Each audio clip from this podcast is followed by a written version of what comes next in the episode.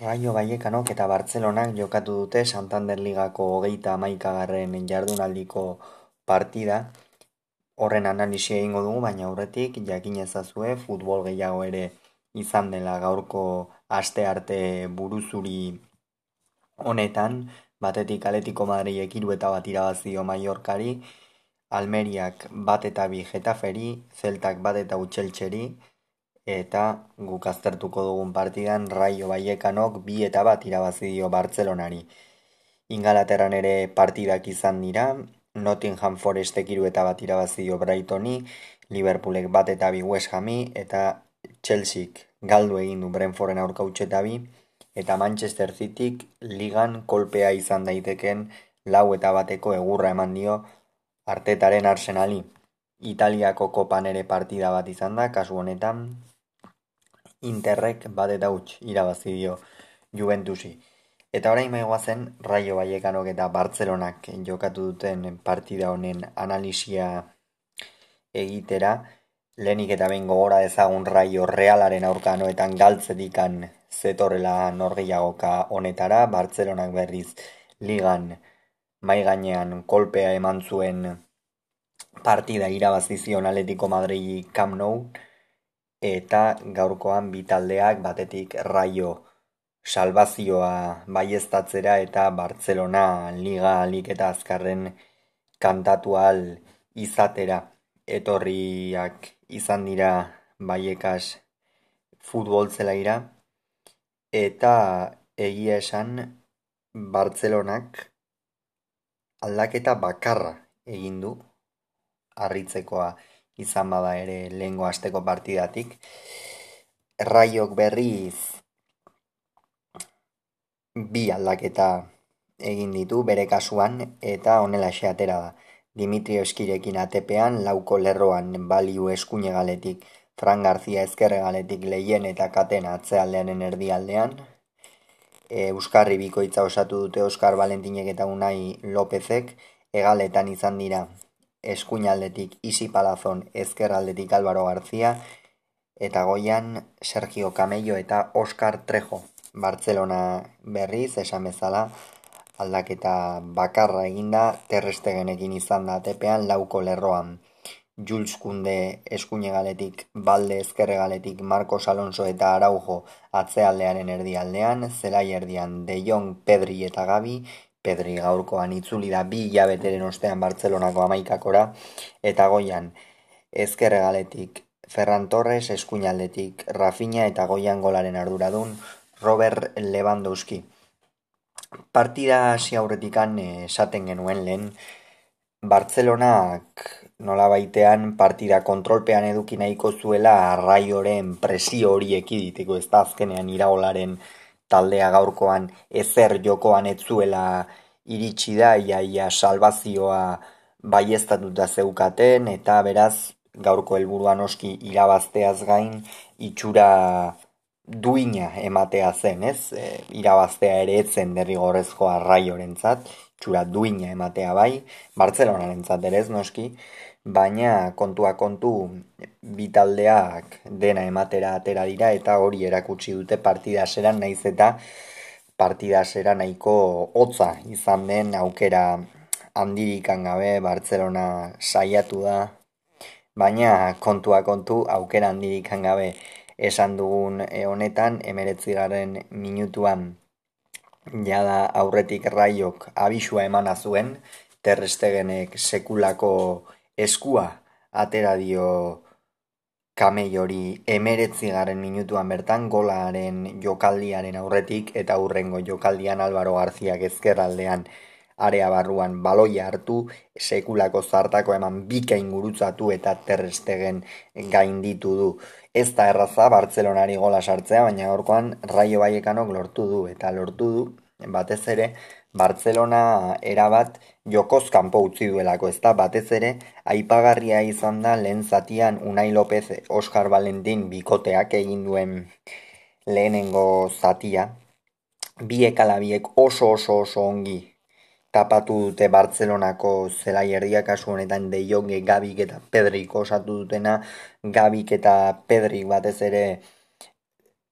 gune oso deserosoetan hartu behar izan dute baloia horrez gain ia une oro raioko jokalariren bat gainean zuten eta ezin izan dute, ezin izan dituzte pase,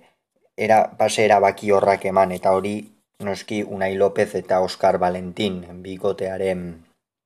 meritua izan da, ezta? Gero hortikan aurrera raiok dominatzen jarraitu du, dominatzen jarraitu du eta Barcelona hortxe izan da, berrogeita bigarren minutuan Robert Lewandowskik gola egin du, jokozkan pozegoela adierazi du epaiak, baina oso oso oso larri izango zen, orain teknologiarekin eta bar ziuraski izango zen, baina nik oso oso larri ikusi dut, zentimetroen gatik izango zen hori. Jokozkan poko posizioan, baina kontua kontu gola ez, golak ez du markagailua nigo, eta horren ondorioz lehen zatia bat eta utzeko emaitzarekin amaitu da. Bigarren zatia berdin hasi dira eta harritu nau, harritu nau egia esan Xavi Hernandezek atxeden aldian ez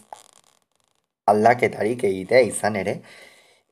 bazeuden jokalari batzuk ez zirenak ezertxo ere ematen ari taldeari, baina ezertxo ere esaten ari nahi zenean ezertxo ere. Eta berrogeita amazazpigarren minutuan hau da raiok bigarren gola sartu ostean egin ditu aldaketak izan ere berrogeita amairuaren minutuan raio berdin atera da sekulako intentsitatearekin presioa altu eginaz atzealdeko lerroa ere nahiko aurreratuta edukiaz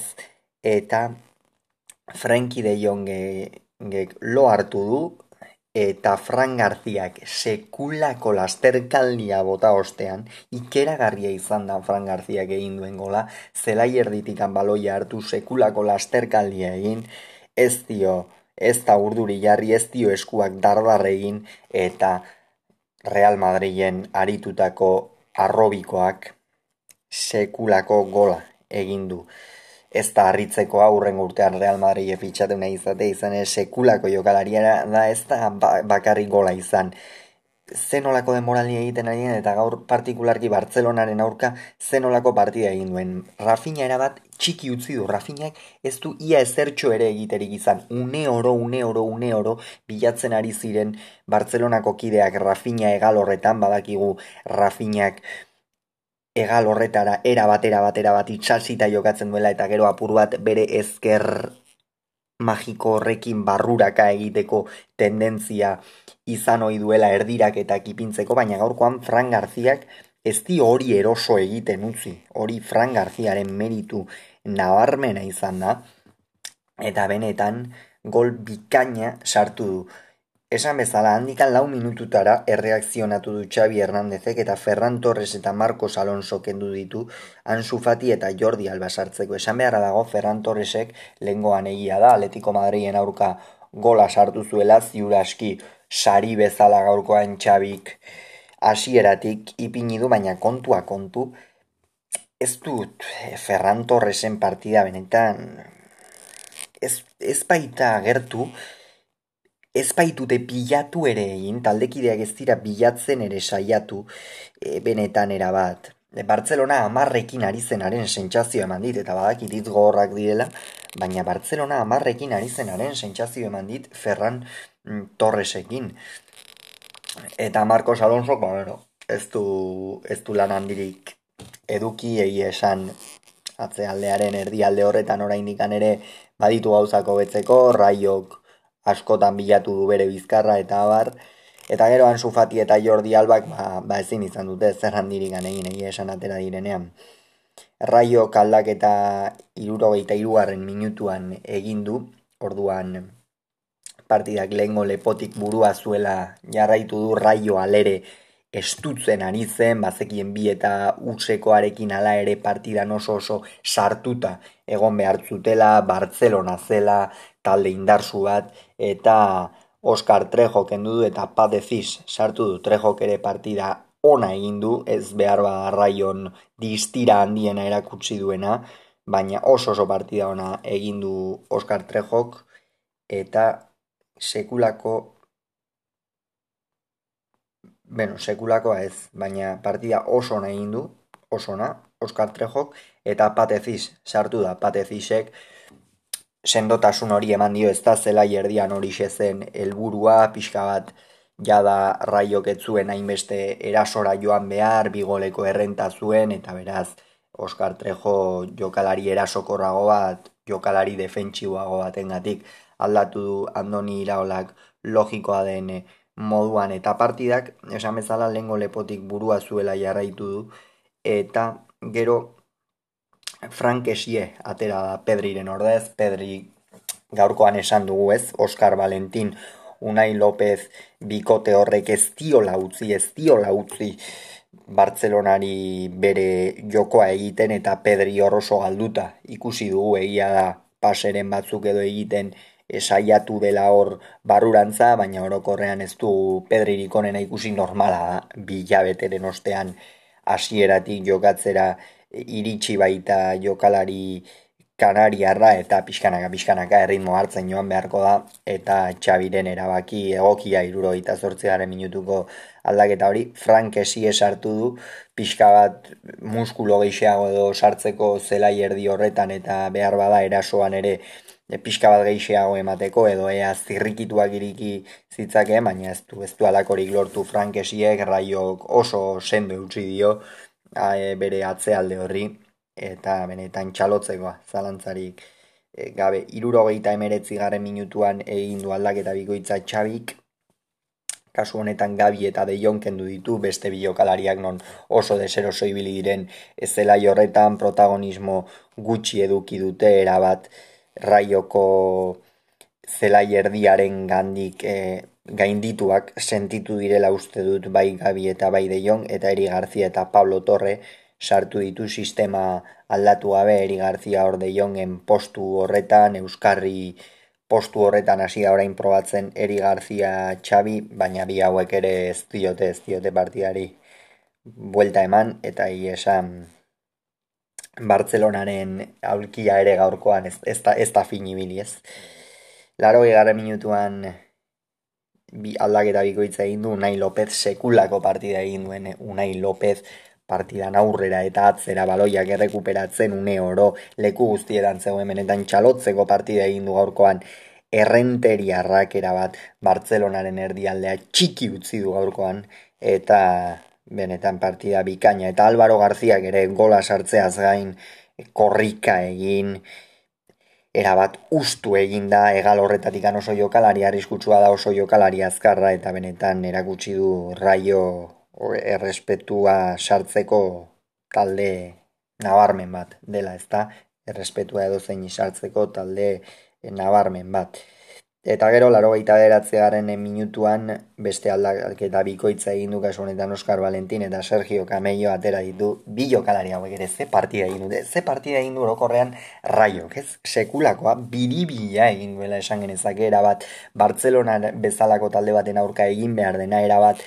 eurei ez jokatzen utzi eta jokatzen dutenean eta baloia daukatenean badakizu atzetikan aterako dutela orduan presioa goian egin behar duzu une oro hortxe zeuden zirrikituak tapatuaz, rafinak hartzen zuenean baloia saiatzen ziren barruraka sartzen malimazen ere deseroso sartzea, erdiraketak tapatzen zizkioten benetan partida oso oso betea egin du Raio Baiekanok eta horren errudunetako bat noski esan bezala Oscar Valentin izan da. Eta bestea berriz Sergio Camello. Sergio Camello aurrelaria da baina nola egin duen presioa nola jaitsi den laguntzera zelaier dira hor Raiok baloia ongi mugitu zezan bai egaletan, Bartzelonako batez ere galeko jokalariei min egiteko, gero bera nola sartzen zen arean benetan ikeragarria izan da, gainera goleko pasea eman du, emeretzigaren minutuan goleko pasea eman dio Álvaro Garziari, eta benetan Sergio Camello Atletico de Madridetik utzita dagoen jokalariaren partida bikaina izan da gaurkoan ikeragarria ikustekoa zalantzari gabe. Eta atzo gironarena eta gaur raiorena benetan albiste pozgarriak ligan zalantzari gabe e, alako taldeek talde erraldoienei irabaztea hori beti positiboa zalantzari gabe horrek esan nahi du lehiakortasuna badagoela ligan eta hori ere aipatzekoa da. Hau izan da beraz gaurko zesan behar genuen guztia, aurrengoan gehiago izan duzuek kirolunea podcast honetan, tartean ongi agur.